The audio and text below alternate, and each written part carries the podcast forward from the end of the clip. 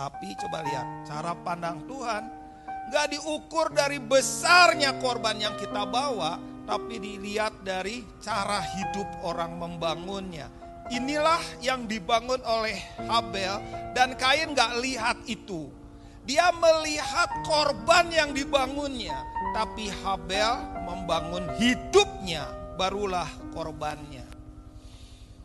Menjaga mesbah dengan menjadi penjaga hewan korban persembahan. Ini adalah hal yang paling penting. Hidup Habel itu menjaga mesbah.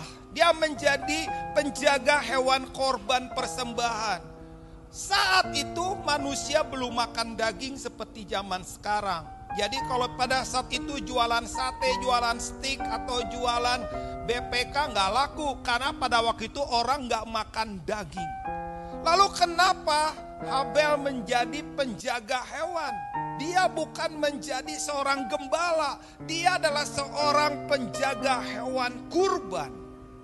Dia benar-benar tahu bahwa ini berkaitan erat dengan mesbah.